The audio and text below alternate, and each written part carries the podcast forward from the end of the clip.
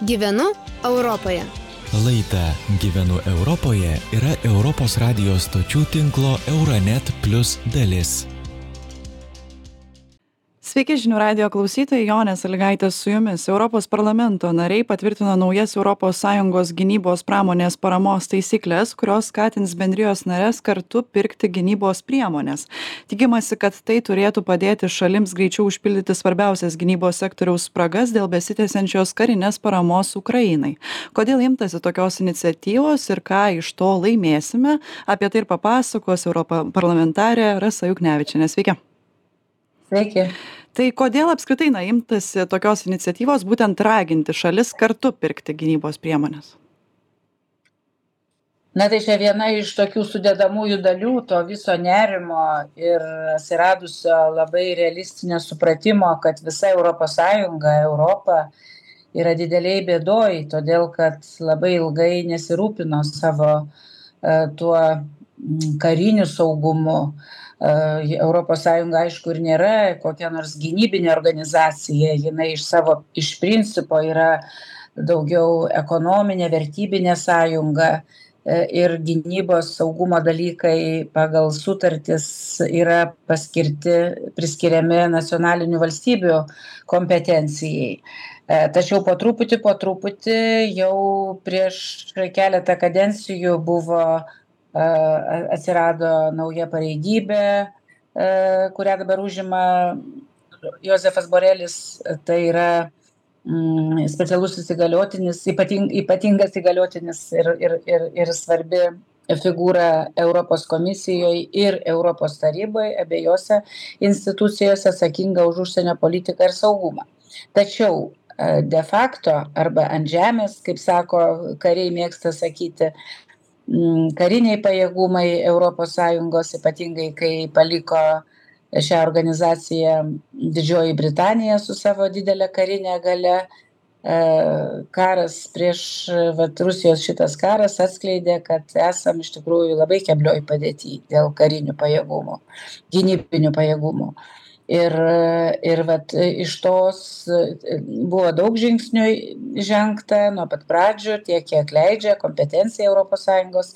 Pavyzdžiui pirmą kartą istorijoj e, fondas e, tam tikras e, atskiras fondas sąjungos netiesiogiai iš biudžeto bet iš iš tam sukurto fondo buvo naudojami pinigai ginklų pirkimui arba kompensavimui šalim narėm kurios remia ukrainą.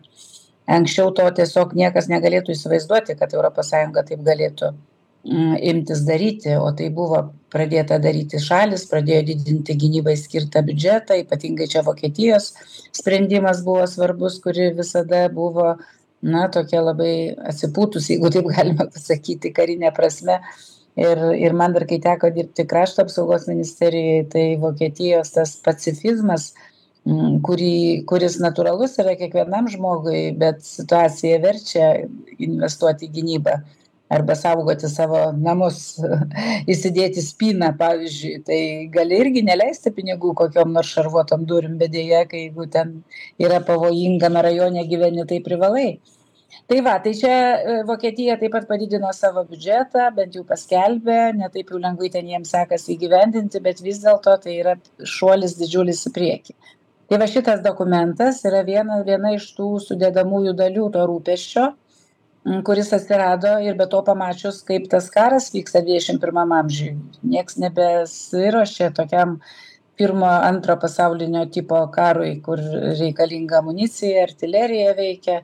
Reikia labai daug įvairių priemonių kurių netgi negamino pakankamai europos sąjunga europos sąjungos šalys taigi vat iš tos iš to išeinant buvo e, sutartas dokumentas naujas instrumentas dabar jau jisai yra suderintas ir europos parlamente ir greitai bus formaliai tiktai kadangi derybos jau yra įvykę patvirtintas europos taryboj ir e, bus galima pagal tam tikras taisykles pagal tam tikrus nurodytus kriterijus pirkti bendrą bendrai pirkti produkciją kas paskatins aišku šalis bendradarbiauti. Tas labai svarbu.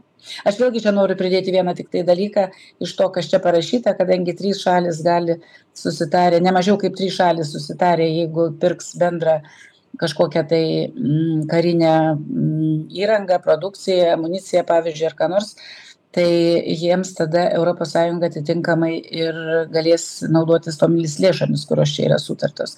Tai mums trim Baltijos valstybėm tai yra, gali būti labai didelė paskata pagaliau pradėti įsigijimus koordinuoti pirkti kartu tas jau vyko šiek tiek aš atsimenu man dar teko pradėt bet labai sunkiai vyko iki šiol. Tai va gal šitas dalykas padės pa šalims suvokti kad reikia reikia kooperuotis.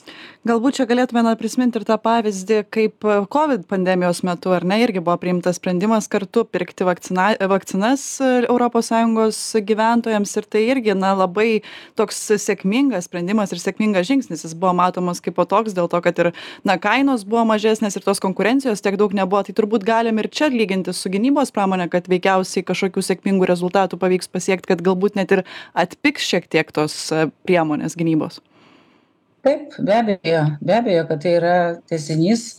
Tik aišku tada ne toks kruvinas buvo ne tokie kruvini įvykiai čia dar priedo ir ukrainai e, pagalba. Jeigu šalys padės šituos įsigijimus pirks ir ir ir ir turės tikslą ir tuo pačiu padės ukrainai ir moldovai beje.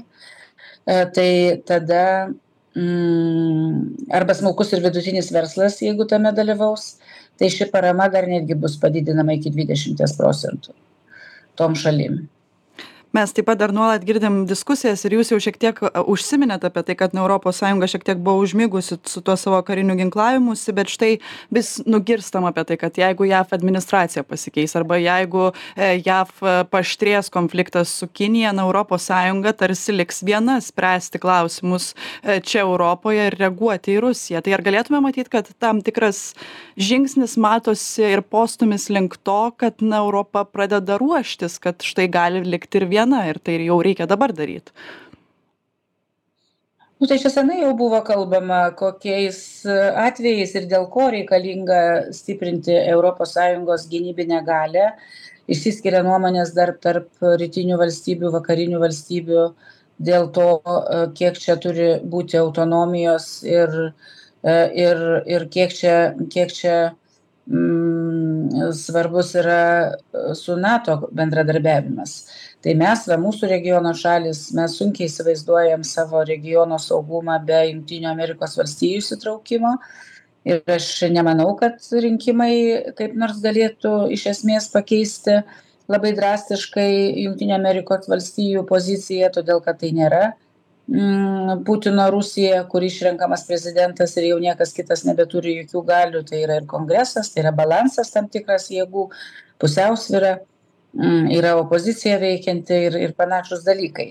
Tačiau taip, gali atsitikti ir taip, kad, pavyzdžiui, niekas nežino, mes turim ruoštis įvairiem sudėtingiam scenarijam šitam pasaulyje. E, pas, jeigu ruošimės, pasiruošim, tai, tai, tai nebūtinai, kad tas ir įvyks, bet būsim pasiruošę, jeigu neduok dievė įvyks, pavyzdžiui, didžiulio masto e, karas kur nors e, Pietričio Azijoje, E, ir ten įsitraukia Junktinės Amerikos valstijos su savo pajėgumais ir tiesiog fiziškai nebeužtenka pajėgumų nei Britam, nei Junktinėm Amerikos valstijom tiek du karus, sakykime, kariauti ir prieš Rusiją čia šitam fronte ir kur nors kitur.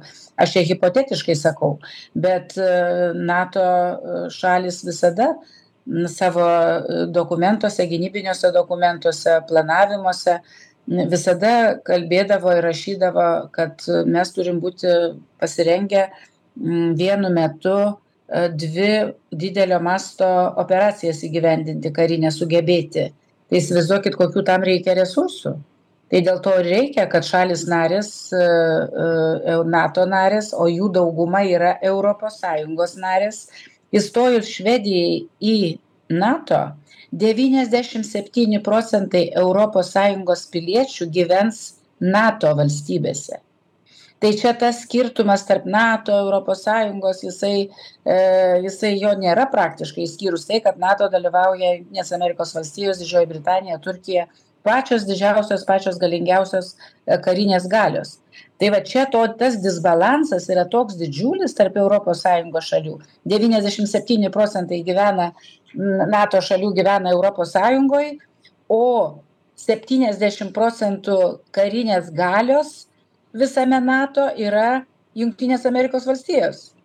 Tai čia didžiulė disproporcija, jau vien NATO kontekste ES šalis turi keisti savo požiūrį saugumą, į gynybą ir didinti išlaidas dėl to, kad nu labai lengva gyventi kitų, svetim, kitų garantijomis. Tai čia ne tik tai todėl, kad pasikeis gali administracija ir pasikeis požiūris ten politikų Junktinės Amerikos valstijose, bet jų gyventojai kelia visuomenė Amerikoje, kelia klausimą, kodėl mes turim tokius didelius pinigus skirti gynybai, kai tuo tarpu, sakykime, Vokietija pusantro procento nesugebėdavo skirti ir tos pinigus skiria savo žmonių socialiniai geroviai.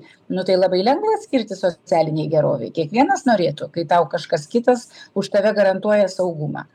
Tai va čia daug dabar kyla klausimų, aišku, kaip ir sakiau, skirtumai yra dėl to, kiek čia su NATO, kiek be NATO, bet tačiau, tačiau tam, tikras, tam tikras grėsmės atremti ES savo pašonėje, netgi viena, jeigu tai ne brandolinė Rusija ar kokie kiti konfliktai, tai tikrai turėtų sugebėti atlikti.